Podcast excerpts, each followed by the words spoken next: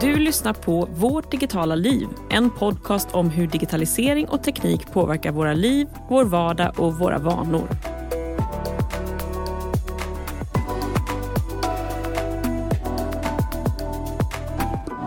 Det är 2022, Kristin. Gott nytt år. Mm. Gott nytt år, Miriam.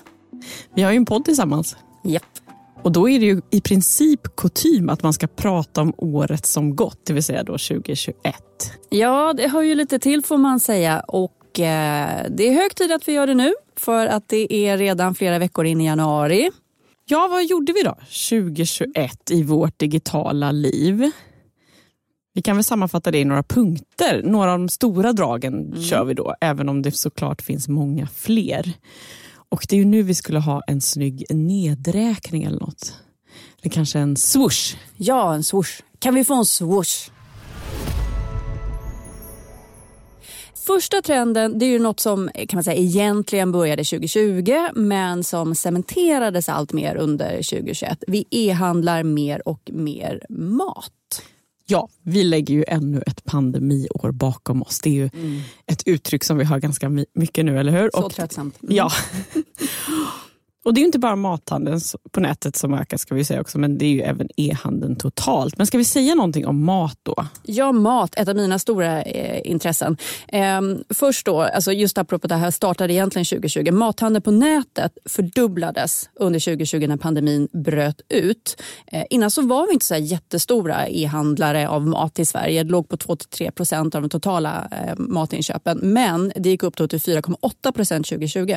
Men i då förra året året så började det klättra upp ännu mer. 2021 så klättrade det upp över 7% av den totala livsmedelshandeln. Så det verkar som att, att eh, under pandemin så har den här liksom trenden accelererat och liksom etablerat den här eh, vanan. Eh, och, och det är också nya kan man säga, kundgrupper som kommer in. För Jag hörde ICA eh, berätta på då, eh, P1 att under pandemins start så var ju äldre i princip en obefintlig kundgrupp när det gällde att handla mat på nätet. Och De gick från en försvinnande liten del till liksom, swoosha upp här till 20-30 procent av, av alla inköp. Men så var ju de också mest isolerade. Mm. Mm. Ja, mina föräldrar har handlat mat på nätet under hela pandemin. Mm. Um, vi har, vi har e-handlat mat åt våra föräldrar. Aha. Ni har fått lägga... dold. Ni har fått göra beställningarna alltså? Ja, mm. precis. Men det, det, det, har, det, har, ju funkat det, det också. Mm. mm. Men det finns ju mycket att ta av på den här marknaden. Som sagt, den gick ju väldigt trögt där ett tag. Men det finns ju länder där 20 procent av alla matinköp går via nätet. Så det finns ju marginal för de här Ja, precis. Aktörerna. I Asien är det så i flera länder. England också många fler som handlar på nätet. Så det kommer garanterat eh, gå upp ännu mer tror jag. Mm. Har ni fortsatt handla på nätet, mat på nätet? Mm, ja, det har vi ju liksom gjort i princip som det har funnits. Men det beror på att vi också haft varit en, som en småbarnsperiod. Och det vet ju alla som handlar med småbarn hur det är. Eh, det är inte den här härliga upplevelsen att man bara går där i gångar och väljer. Och, utan det är ofta någon som lägger sig platt i en gång. Jag har Precis. en fantastisk bild på, på min dotter. Hon är så tre år och hon ligger som ett kryss eh, i en sån här gång på ICA Maxi i Ystad och är bara totalt utslagen. Så där, så. Eh, jag brukar använda den när jag pratar om så olika kundgrupper och deras behov eh, och deras vardag. Hur man kan anpassa den apropå att e-handel för mat ökar väldigt mycket. För det här är ju, då är det så enkelt att bara sitta och klicka hem det. Mm. Hur gör ja. ni då? Ja, vi har handlat mat på nätet egentligen hela tiden sedan vi fick barn. Mm. Och därför så blir det som en exotisk upplevelse att gå till en matbutik för våra barn. De blir helt liksom, det tindrar i ögonen. Och, bara, och så vill de sitta liksom i vagnen eh, där man kan sitta med benen ut och dingla. Ja. Liksom. Ja. Ja. Nej, de tycker det är fantastiskt att gå till matbutiken. Ja, precis. Ja, men det är mm. kanske är ett sätt att få en vardaglig grej att bli lite exotisk mm. också. Så vi, kör, vi kör det digitalt för det mesta och sen så på lördag går vi och, och, och, och handlar bananer på riktigt. Mm.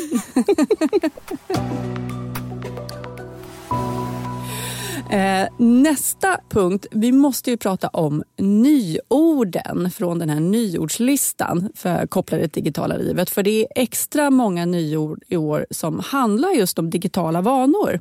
Ja, och med tanke på hur många ord det är eh, som handlar om just det i nyårslistan 2021 så tycker jag att vi kan använda dem för att prata om några av de digitala trenderna förra året. För att vi, när vi började titta på orden så kände vi att ja, men det här återspeglar ju faktiskt mycket av året. Absolut. Eh, och i listan så hittar vi ett ord som ligger oss eh, nära i den här podden.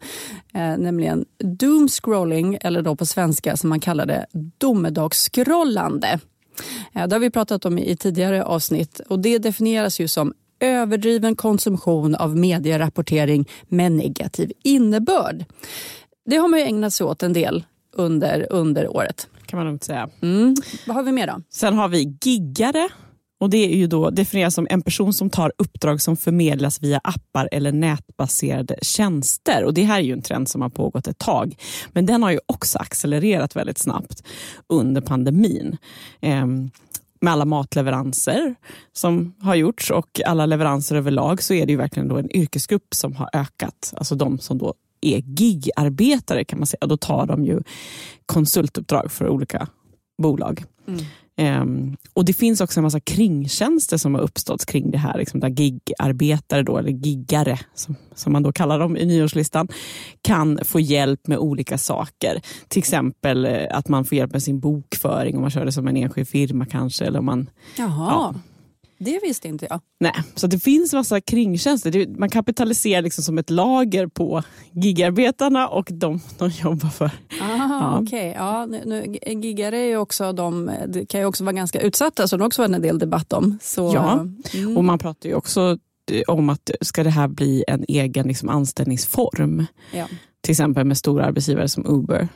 Ja. Ehm, och, ja, med försäkringar och så vidare. Mm. Ja, det, det, det här är ett typiskt eh, exempel där digitaliseringen driver utveckling så pass snabbt så att eh, typ lagar och så hänger ju inte med. Nej, Nej. Mm. Eh, nästa ord, kryptokonst med definitionen digital konst där äktheten är dokumenterad genom en unik kod. Ja, egentligen så borde kunna man ju prata eh, hur länge som helst om det, ett, ett helt eget avsnitt. Men det, det, har ju verkligen varit en stor trend under 2021 det här med NFT som man kallar kryptokonst. Kan vi säga vad det står för också? Ja precis, non-fungible tokens. Mm. Det låter som något i Super Mario. Lite. Precis, mm. det, är, det, är, det är ett svårt begrepp tycker jag. Ja, hur, hur, ska man förstå det, liksom, det här med NFTs?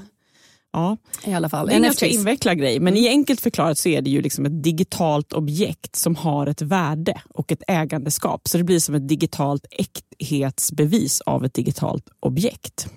Ja, eh, och, det här är en trend som har håsats väldigt mycket i år. Eh, ägarskapet av NFTs är helt digitalt. Man kan säga att det loggas i en slags loggbok kan man säga. Eh, ungefär på samma sätt som man gör med, med kryptovalutor. Ja, och den här så kallade loggboken kallas då ju blockkedja, blockchain och är ju även det man pratar om när det gäller kryptovaluta. Och det finns ju exempel på mm. försäljning av kryptokonst. Mm. Eh, förra året så var det en amerikansk konstnär, Mika Johnson, som sålde ett digitalt konstverk för 1,4 miljoner dollar, alltså typ över 10 miljoner kronor. Och han gjorde det på sju minuter. Det var 1402 personer som köpte det här digitala äkthetsbeviset för 999 dollar styck. Då. Eh, och då fick de ett certifikat av sitt ägande. Just det. Och för alla kan ju, kan ju se konstverket i och med att det är digitalt. Eh, men det är alltså rätten att handla med det som man, som man köper. Eh, och Det här är ju något som till exempel också auktionshuset Christie som har en lång tradition med att sälja konst har anammat. Så det är inne även i finrummen med, med NFT eller NFTs. Okej, okay. men vi har ett annat ord också då. Metaversum eller metaversum, Miriam. Vi, vi var lite osäkra på, på svenska. Det, det, på göteborgska säger man metaversum. Metaversum, mm, låter bra. Eh, det är, det är ett svenskt nyord eh, och något vi har pratat om att vi också kommer behöva ett eget avsnitt till att diskutera. Men vi kan ju inte låta bli att ta upp det här om vi pratar om digitala trender under 2021. Nej, det är ju svårt och det är ju alltså en översättning av metaverse. Eh, på engelska och är som ett digitalt universum där man alltså då använder virtuell verklighet och förstärkt verklighet, de här begreppen då som man kallar VR och AR. Och de, där man då skapar olika 3D-miljöer där man kan interagera och det är miljöer som liknar den riktiga världen. Och det här är inget nytt begrepp. Jag behövde gå in och läsa på mm. Wikipedia här men det kommer från en science fiction-bok som heter Snow Cash och den gavs ut 1982. Ja, ja, ja, just det. Ja, det har jag nog hört faktiskt. Och, eh, och, och, vi var ju också med under hypen av den här virtuella världen Second Life som lanserades redan 2003 som var väldigt underligt på många sätt kan man säga. Mm. Ja, men det är ju fortfarande aktivt. Mm, det, det är det. Ja, det ja, tänker man ju inte ja. att det är. Men jag, jag läste också häromdagen att grundaren har återvänt till bolaget. Han brinner så mycket för det, för Second Life. Och, eh, det är 900 000 aktiva användare i den virtuella världen Second Life. Ja, det är det ändå. Sen har väl den fått lite alternativa användningsområden. Vi behöver inte gå in på det. Men, nej, vi behöver inte gå in nej. på det. Nej. nej men eh, det, det, det, skapades ju också lite intressanta kulturer där i. Jag minns att det fanns någon, några som hette furries. Mm. furries. Alltså det var en grupp då, så att säga, människor som valde inte människor som avatarer utan, utan små lurviga djur. Liksom. Så det hoppade runt så kaniner och annat. Det var ett sätt att få vara vem som... Det var ett sätt att få vara din inre kanin. Så kunde man vara med i, eh, i, i Second Life. Ja, eh, men eh, som sagt, Second Life får då lite revival kan man säga. fast nu i form av metaverse eller metaversum. Det får nytt liv med utvecklingen av AR och VR. Och det snackades mycket om det också under 2021 när techgiganten Facebook gick ut i oktober med att man byter namn till Meta, eller Meta. Ja, det fick ju liksom nytt liv då. Mm. Och det är ju något som Mark Zuckerberg har pratat om en del. Eh, att han förutspår att vi kommer leva mycket mer i virtuella världar. Sen har han ett ekonomiskt intresse i det såklart med VR-glasögon som de utvecklar och så. Och Vi har ju också till exempel pratat om de benlösa mötena i Workplace. Det här, den här mötesvärlden som Facebook har lanserat. Ehm, du får nästan ta det igen, varför ja. man inte har några ben där i om man inte hörde det ja. avsnittet. Det var ju för att det var så svårt att simulera ben. Mm. Som en, på en avatar, ja, på en virtuell. På en avatar. Ja. Mm. Mm. Så man nöjde sig med överkroppen. Så i de Precis. mötena så är det bara en överkropp ja. som flyter runt. Och när man, liksom kan, man kan ju röra sig runt också, då är det bara en överkropp. Mm. Ja. Eh, och sen var det ju så att då, de andra techbolagen rättade sig in i ledet med det här med metaversum och eh, började prata om hur deras verksamheter kan passa in i det. Hur de kan ta del av den här tredje världen, vad de jobbar med för initiativ. Liksom. Mm. Så att, eh, ja, de fick ju igång eh, techbolagen här så får vi se liksom vad det blir av det.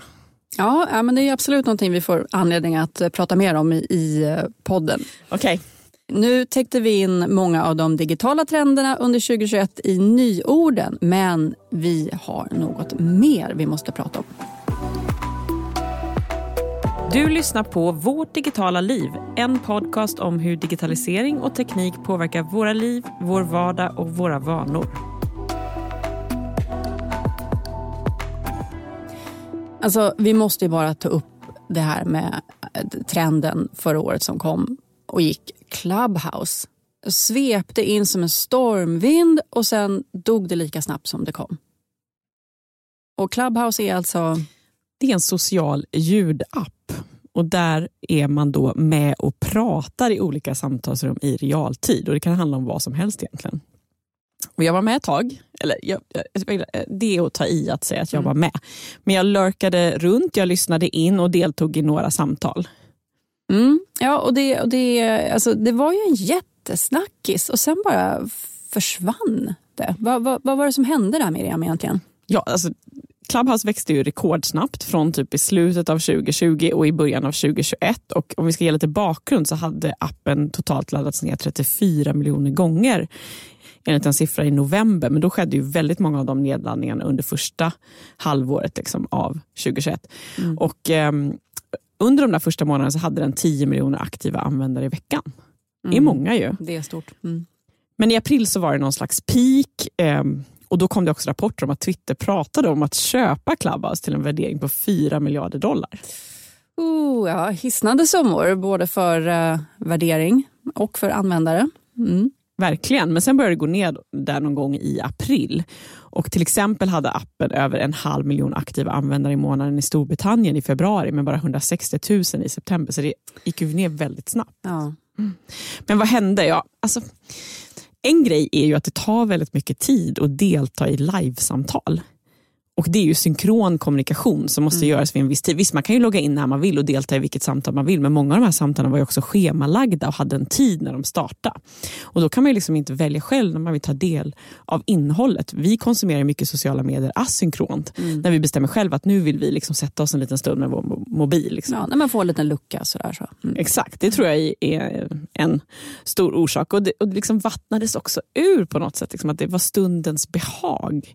Och sen dalade det ganska tydligt. Sen hade ju inte Clubhouse kommersialiserats och det kanske var lättare i begynnelsen av sociala medier att man inte hade sin affärsmodell klar. så att säga. Mm. Men nu är vi ju ändå så långt fram i den här utvecklingen. Så att där, även om de inte behövde komma på det direkt så behövde de ju ändå fundera på det och det känns som att de kraven kom snabbare. Och Sen gjorde de ett försök med att lansera betalningar för användare så att typ kreatörer skulle kunna ta betalt mm. av andra användare. Um, men samtal lever ju liksom inte längre än vad de pågår. Det finns liksom inte så mycket data att hämta där. Man spelar ju inte in. Och... Nej, och det går ju inte heller, om man ska vara lite, lite cynisk, det går ju inte heller att, att rikta annonser mot tal. Alltså vi är inte riktigt där än att vi kan, eh, att vi kan på enorma mängder så att säga, talat innehåll dra ut vad pratar folk om och sen rikta annonser. För det, det, det är lite så som Facebook funkar och alla sociala medieplattformar funkar. Liksom, ju mer bättre data och precis data du kan få på en användare så kan du sälja reklam och där har du hela eh, finansieringsmodellen egentligen. Ja precis och särskilt när det i realtid. Sen kan man ju bestämma att nu ska jag prata i realtid om det här ämnet och då kan man skapa en, en annonseringsmodell. Mm. Men dit har de inte kommit. Nej, och då går vi tillbaka på radio. Exakt. det var innovationen, vi uppfann radion. ja. Ja, och mm. nu pratar Sia om att det kommer vara mer av ett nischnätverk och inte för den breda massan. Jag gick faktiskt in eh, nu och kollade lite, liksom, klickade runt. Det är väldigt få svenska användare där nu. Mm. Det var ju en rush, men sen ja. försvann den. Men, men att det blev så det kan ju också haft med att göra att det, att det fick någon slags gudomlig tur när det gällde timing. För att det började ju pika precis liksom en liten bit in i pandemin när många hade jobbat hemma länge, de satt där, hade ingen att prata med. Och så kommer något nytt. Eh, så det, jag, jag tror att det kan nog ha eh, varit en... Jag undrar liksom om pandemin inte hade hänt, om de hade fått den, den enorma ruschen som de fick precis just Alla var så svältfödda ja. på kommunikation. Ja, men mm. precis. Ja. Mm. Fast inte Zoom-möten då. Men det här är en annan slags levande, mer avslappnad ja, eh, kommunikationsform. Mm. Ja.